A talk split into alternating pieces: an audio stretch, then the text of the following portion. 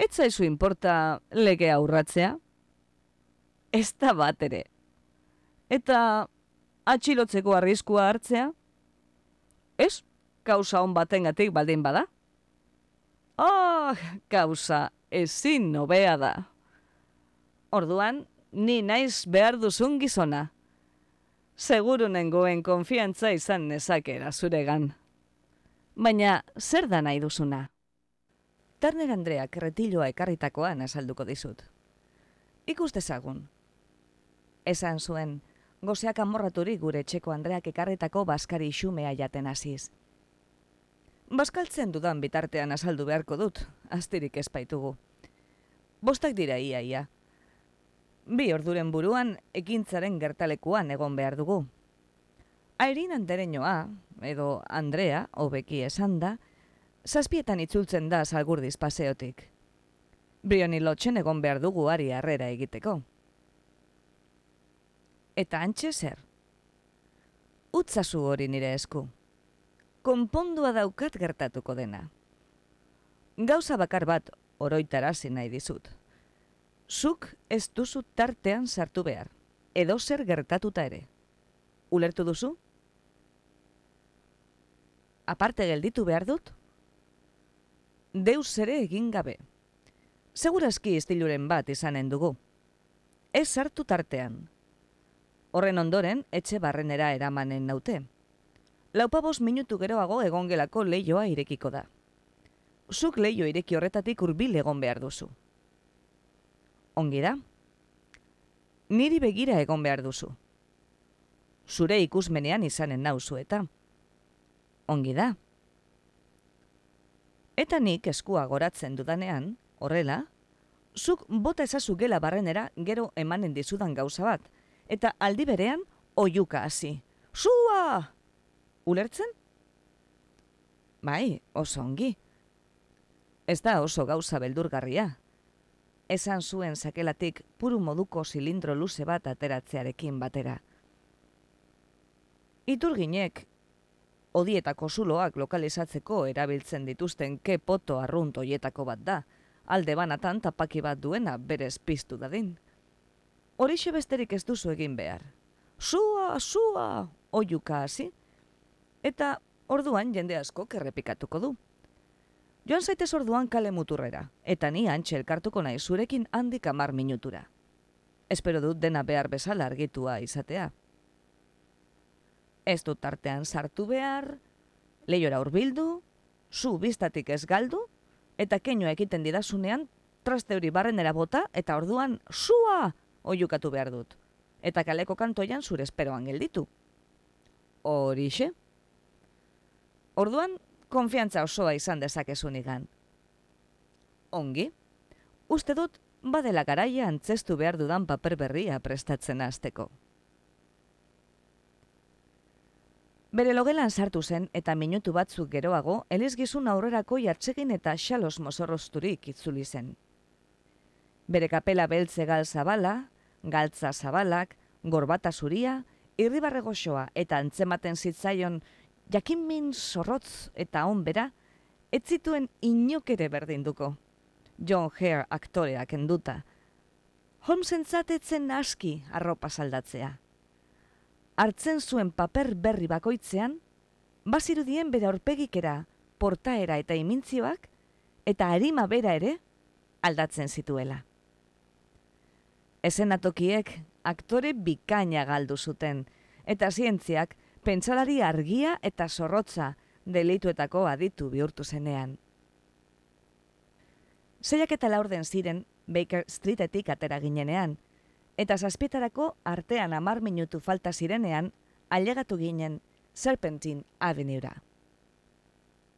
Iluntzen ari zuen eta farolak pizten joan ziren, gu brioni lotxen aurretik karrikan gora eta bera genbiltzan bitartean, hangoa popiloa, noiz iritziko zain geundela. Etxea Sherlock Holmesen deskribapen zehatzari esker irudikatu nuen bezalako xea zen, baina auzoa etzen nik espero bezain lasaia. Aitzitik, auzo lasai bateko kale txiki bat izateko, aski animatua zegoen. Zabarki jantzitako gizon talde bat zegoen izkina batean, erretzen eta irri algaraz, Zorrostaile bat bere desterarekin, bi soldadu solasean ijijia jaja aurtzain batekin, eta gizon dotore batzuk paseoan poliki purua ahoan. Ikusten duzu? Oartarazi zidan Homsek etxe aurrean aratonat genbiltzan bitartean. Eskontza horrek errestu ere egiten dizkigu gauzak. Orain argazkia bi ahoko espata bihurtu da.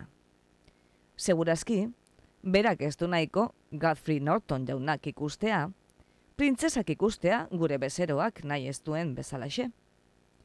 Orain hause da gakua. Nun aurkituko dugu argazkia? Hori da? Nun? Arraroa litzateke berak beti aldean eramatea. Gelan eskeitzeko moduko tamaina du. Handiegia emakume baten jantzian gorderik eramateko.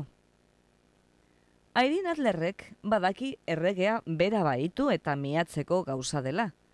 Bi aldi saiatu dira horretan. Uste izatekoa da beraz, berak ez mala beti aldean. Non da orduan? Bere bankariak edo bere abokatuak izanen du. Bi aukera horiek daude. Baina susmoa dut ez duela ez batak ez besteak. Emakumeak, izatez, gordezaleak dira. Eta nahiago izaten dute isil joku ez, beraiek arduratu. Zer dela eta eman behartzion beste inori? Bere buruarekin fidatzen alda, baina Auskalo ze presio zeharkako edo politiko erabilitezkeen negozio gizon batengan eragina izateko. Gainera, gogoan izan egun gutxiren buruan erabiltzeko asmoa duela. Eskura izan dezaken tokian egon behar du. Bere etxean.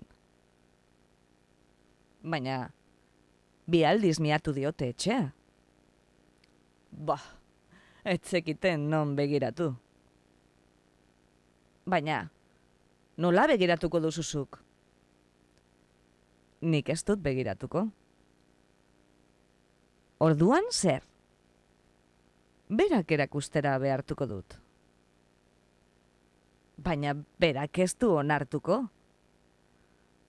Ez da gauza izanen. Baina gurpilotsak entzuten ditut. Bere zaldiko txea da. Orain, bete itzazu hitzezitz nire aginduak. Solasean ari zen bitartean, zaldikotxe baten aldaetako farolen argitasuna agertu zen kaleko errebueltan. Lando txiki bat zen, agitz dotorea, bioni lotxen ate aurrera triki-traka joan zena. Gelditu eta berehala, izkinako arloteetako bat, tximista bezala joan zen atea irekitzera, kobresko txampon bat irabasteko esperantzan, baina asmo berarekin laster joan zen beste alproja batek, ukondokada batez alde batera bota zuen. Zezio latza sortu zen, handiagotuz joan zena, bi soldadu eta zorrostaila ere gehitu zirenean. Norbaiti kolpe bat eman zioten, eta une batez, Andrea, salgurditi jaitzia, Ukabilkadaz eta makilkadaz kalapita bortitzean elkar joka ari zen gizon naspila baten erdian gelditu zen. Holmes taldera oldartu zen Andrea babesteko, baina arengan ailegatu zen unean, oiu bat egin eta lurrera erori zen. Odol purrustaka zerion aurpegian behera. Erortzen ikusita, soldaduek lasterrari eman zioten alde batera eta arloteek beste aldera, eta parte hartu gabe borroka ikusi zuten pertsona dotore batzuk, Andreari laguntzeko eta zaurituari kaso egiteko pilatu ziren. Airin Adlerrek, onela segituko dut deitzen oraindik, lasterka igo zituen sarrerako mailak, baina goian gelditu zen, bere irudiaren silueta paregabea, atalondoko argitan nabarmentzen zelarik, eta kalerantz begiratzeko giratu zen. Zaurilarriak ditu jaun gaixo horrek? Galde egin zuen. Ila dago, oiukatu zuten ahots batzuek. Ez ez, oraindik bizirik dago, oio egin zuen beste batek. Baina hilko da ospitalera eraman baino lehenago. Tipo usarta da, esan zuen emakume batek. Arengatik espalitz, Andreari boltzoa eta loioak enduko zizkioten. Gaizkile taldea zen, eta oso gogorra gainera. O, orain arna sartu du. E Ezein da kalean botata gelditu, sardezakegu barrenera Andrea. Jakina, sartzazu egon gelara. Badago sofa bat oso erosoa. Hemendik mesedez. Geldiro eta emeki emeki, Briani lotxera sartu zuten. Eta egongela nagusian etzan zuten, nik leio ondotik gertatzen ari zenari bea jarraitzen nuen bitartean. Lanparak piztu zituzten, baina kortinak itxi gabe zeuden, eta horregatik nik Holmes sofan etzanik ikusten nuen. Ez dakitune horretan Holmesi damutu zitzaion ala ez paper hori betetzea, baina nik badakit, eneizela behin ere nire buruaz lotzatuago izan, hartan baino. Ikusita zen neska ederren kaltetarako ari nintzen lanean, eta nolako graziaz eta goxotasunez zaintzen zuen zauritua. Eta, hala ere, Holmesi egindako traiziorik beltzena izanen zen une hartan nire gain hartutako egin beharretik atzera egin izan banu. Gogoz kontrakoa izan arren, ziratik kepoto atera nuen. Guztiarekin ere, pentsatu nuen. Ez diogu inolako kalterik eginen. Beste batik kalte egin diezaion galera zi, besterik ez dugu eginen. Holmes sofan eseri zen, eta izea beharko balu bezalako keinuak egiten ikusi nuen. Neskame bat bere ala joan zen leioa zabal-zabal irekitzera. Orduan txe ikusi nuen eskua altxatzen eta seinale horri kaso eginez, ke potoa egon gelara jaurtiki eta oio egin nuen. Sua! Nire haotik itzori atera eta segituan ikuslean dana bat, ongi eta gaizki jantziak, jaun prestuak ukulu mutilak, neskameak, sua, garrasika hasi ziren denak batera. Kelaino lodiak altxatu ziren egon gelan, eta leiotik atera ziren. Presaka zebiltzan irudi lauso batzuk ikusi nituen, eta momentu bat geroago, Holmesen ahotsa entzun nuen barrenetik, gezurrezko zudeia zela ziurtatzen zuena. Oiuka zebilen jendetzaren artetik, kalearen muturreraino ailegatzea lortu nuen, eta handik amar minutura, postu nintzen nire lagunaren besoa niretik hartuta sentitzeaz eta salapartaren tokitik alde egiteaz.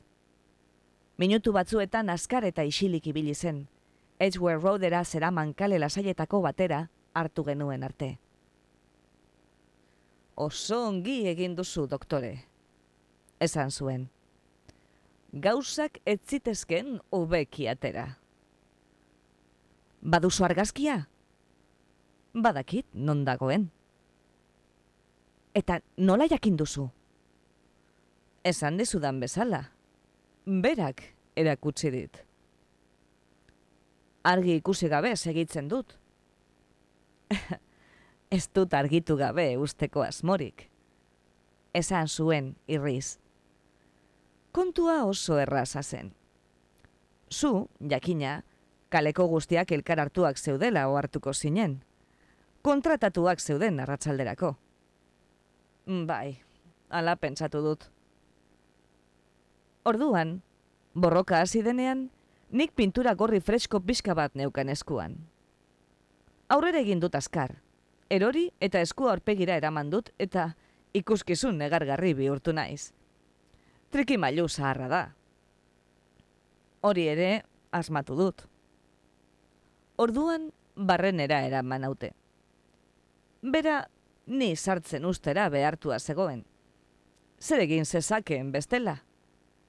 Eta egon gelara sartu naute, nik susmatzen nuen tokian hain zuzen ere. Argazkiak egon gelan edo bere logelan egon behar zuen, eta nire asmoa bietatik zeinetan zegoen ikertzea zen. Sofan etzan naute luze-luze, aizea behar banu bezalako keinoak egin ditut, lehioa ireki behar izan dute, Eta zuk, zure aukera izan duzu. Eta zertarako balio izan dizu horrek. Oso garrantzizkoa zen. Emakume batek, etxean zua dagoela uste duenean, zenak berehala eramaten du gehien estimatzen duena dagoen tokira. Dena gainditzen duen indarra da hori, eta behin baino gehiagotan baliatu naiz horretaz. Darlingtonen ordezpenaren eskandaloaren kasuan, baliagarri izan zitzaidan, eta Answortheko gazteluaren aferan ere bai. Ama bat, bere haurtxoaren bila joaten da ziztu bizian. Emakume eskongaia, bere bitxiontziaren bila. Hori horrela delarik, niretzat argi eta garbi zegoen, lehen aipatutako gure Andreak, ez zeukala etxean gu bilatzen ari garena baino gauza baliotzuagorik, eta hori arriskutik kentzera joanen zela agudo. Zudeia oso ongi emana izan da. Kea eta oiuak edo zein urduritzeko modukoak ziren. Airinek oso ongi erantzun du. Argazkia gordeleku batean dago panel mugikor baten atzean, eskuinaldeko txintxarrearen sokaren gain gainean. Segundu batean han plantatu da, eta ateratzen hasi denean zeharka ikusi dut. Gezurrezko zudeia zela oiokatu dudanean, berriz hartu, gero kepoto aurkitu, eta gelatik arrapaladan atera da, eta ez dut berriz ikusi. Altxatu egin naiz, eta desenkusatu ondoren, etxetik ospa egin dut. Argazkia zune hartan txeia betzen saiatzea pentsatu dut, baina kotxe gidaria barrenean zen eta etzidan begirik entzen. Itxu mustuan ibiltzea galgarria izan zitekeen. Eta orain? Galdetu nuen. Gure ikerketa lana bukatu da iaia. Bihar erregearekin agertuko naiz, eta zurekin etorri nahi baldin baduzu. Egon gelara zarraraziko gaituzte Andreari itxoiteko, baina ailegatzen denerako seguruenik ez gaitu aurkituko, ez gu, ez argazkia. Pos handia izanen da erregearen bere eskuekin berreskuratzea. Eta noiz janen zara? Goizeko sortzietan. Oraindiko atzean egonen da, eta horregatik libre ukiko dugu ere mua. Gainera, azkarrak izan behar dugu, zeren eskontza horrek erabateko aldaketa ekar baiti esaieke bai bere bizitzari, bai bere oiturei ere. Telegrama bat igorri behar dio terregiari lehen bai lehen.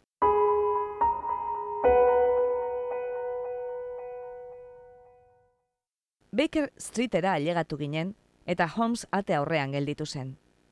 Bere giltza sakeletan bilatzen ari zenean, hanbarna zebilen batek esan zuen.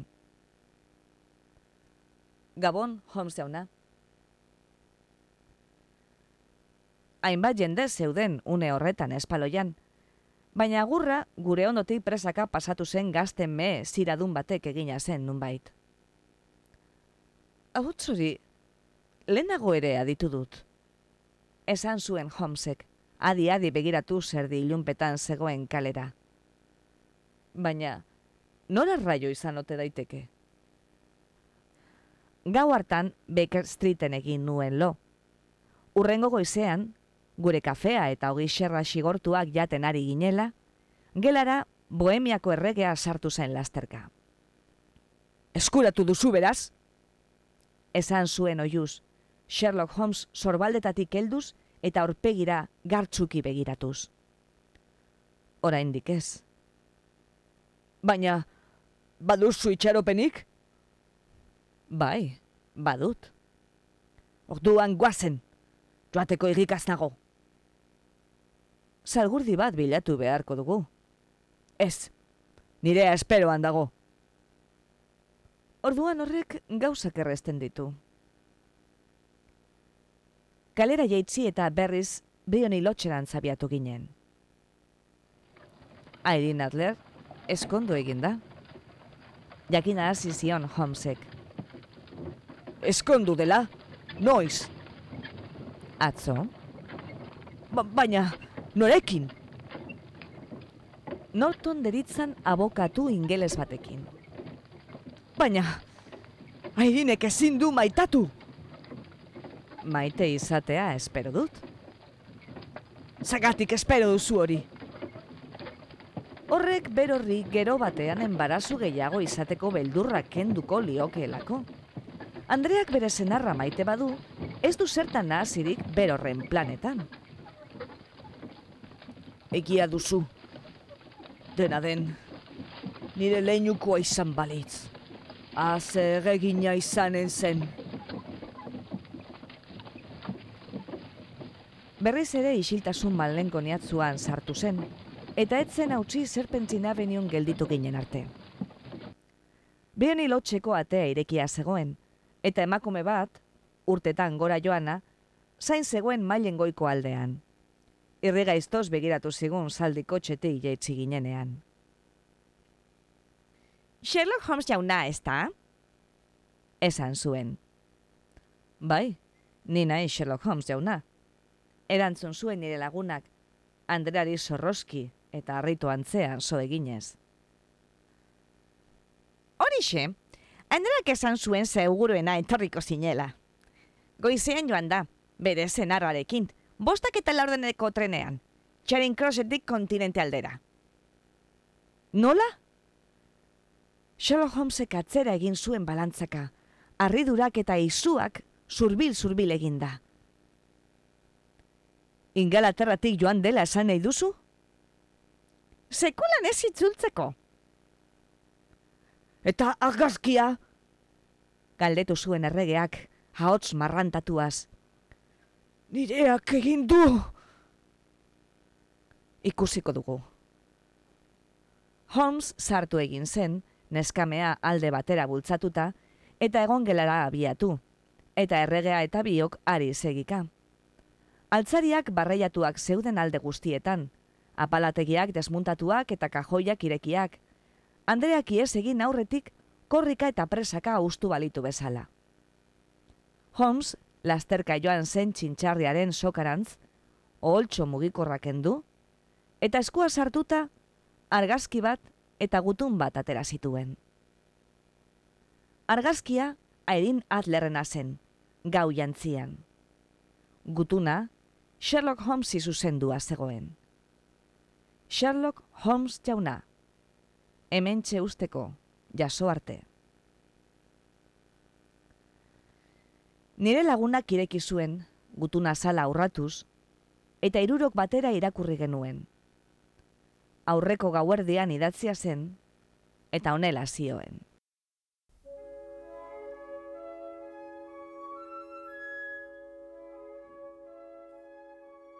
Hene Sherlock Holmes jau maite hori.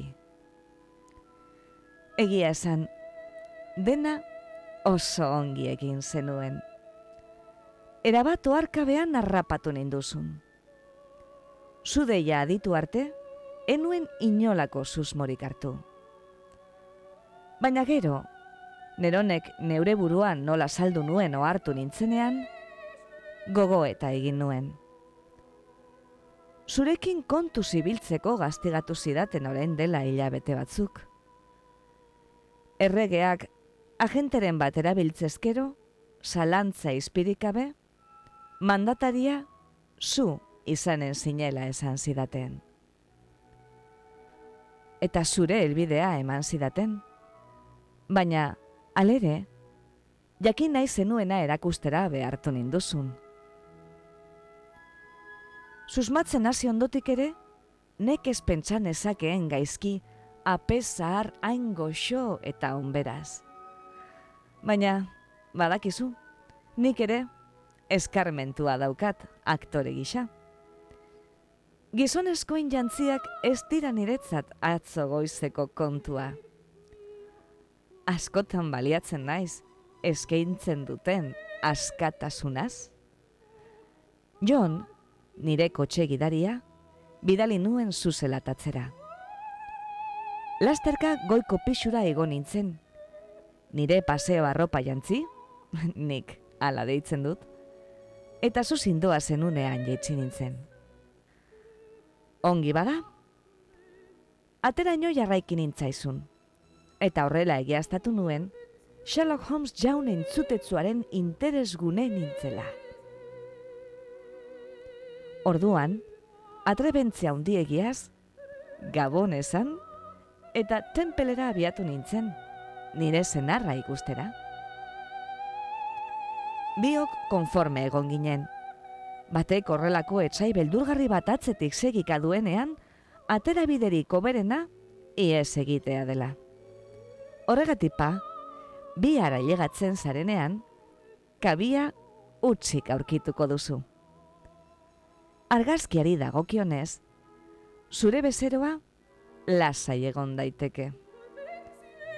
Erregeak baino gehiago balio duen gizon bat maite dut. Eta berak ere maite nau.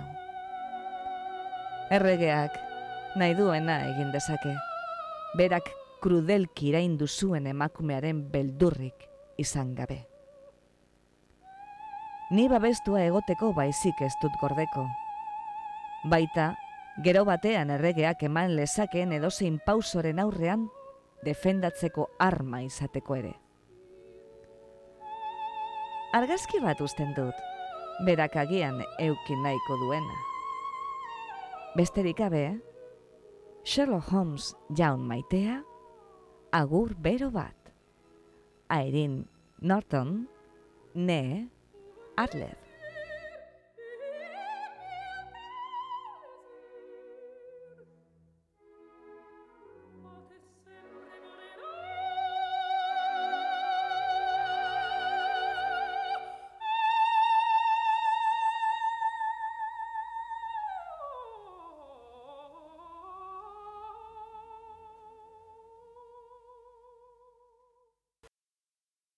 Nolako emakumea.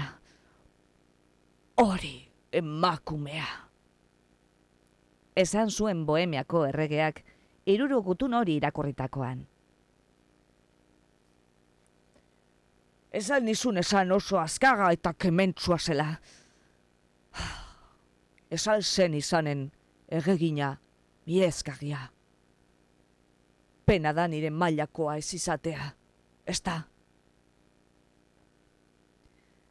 Andreas jakindu danaz, badirudi, zinetan berorrenean ez, baizik eta oso maila diferentean dagoela.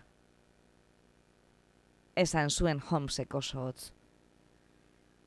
Sentitzen dut berorren aferari atarramendu hobea emateko gauza ez izana. Aitzitik, Holmes jaun maitea! Esan zuen erregeak. Ez dago hori baino agakastan diagorik badakit bere hitza bortxa ezina dela. Orain argazkia ege balute bezain seguro dago. Posten hau berorri hori aditzeak, errege. Zogi karagarri handia daukat zurekin. Ez aidazu mesedez, nola ordain ezazukeen. E, erastun hau? Behatzetik esmeraldasko zuge antzeko erastun bat atera, eta berezku xokoan paratu zuen. Askoz ere maiteago nukeen zerbait dauka berorrek, errege. Esan zuen Holmesek. Esatea aski duzu? Argazki hori. Erregeak harri eta zure ginik begiratu zion. Airinen argazkia? esan zuen harriturik. Noski, hori nahi baldin baduzu. Mila esker maiestate. Orduan afera honetan ez dago besterik egiterik. Berorrek egun onona pasadezan desiratzeko ohorea daukat. Buru makurtu bat egin zuen, eta giratu zen erregeak losatzen zion eskuari erreparatu gabe eta etxera abiatu zen nirekin batera.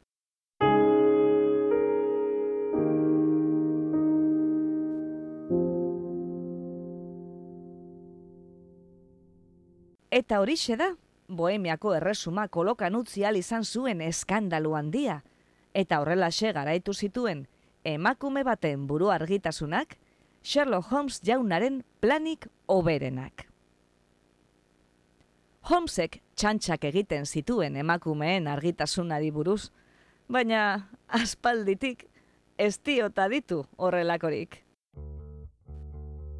Eta erin adlerrez mintzatzen denean, edo bere argazkia aipatzen duenean, beti ere, emakumea aipatzen du. Horrela ari, ohore eginez. Slaves go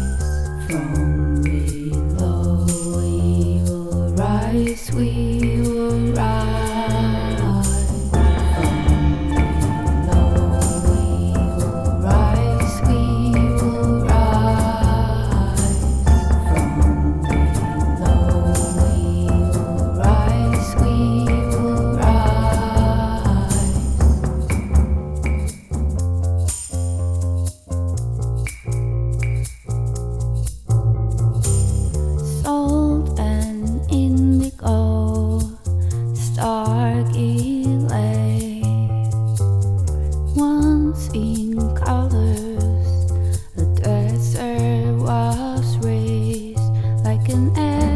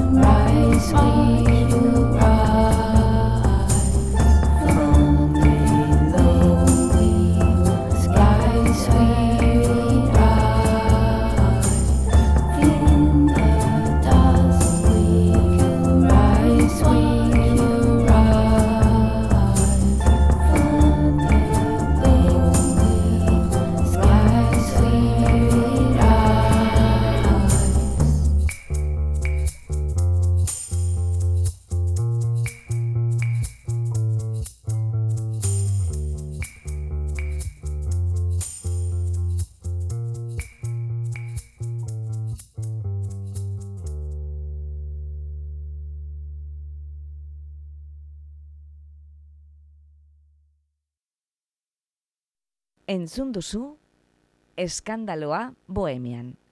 Egilea, Arthur Conan Doyle. Itzultzailea, Fernando Rey Escalera.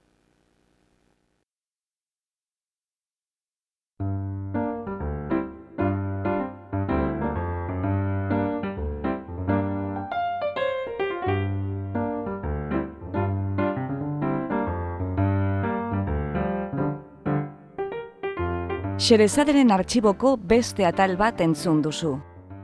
Gure doinoa da, Charleston Behind the Attic Door, Dance of the Wind taldearena. Efektuak freesoundetik hartuak dira. Iru ubebikoitz, puntua, freesound, puntua, org. Podcast hau egiten dugu, saioa gabikago geaskoak, jasone larrinagak eta Ana Moralesek Bilbo iria irratiko estudioan. Mila esker gurera hurbiltzeagatik. Gustora egon bazara, etorri urrengo batean berriz ere, xerezaderen artxiboa literatur podcastera. Laster arte!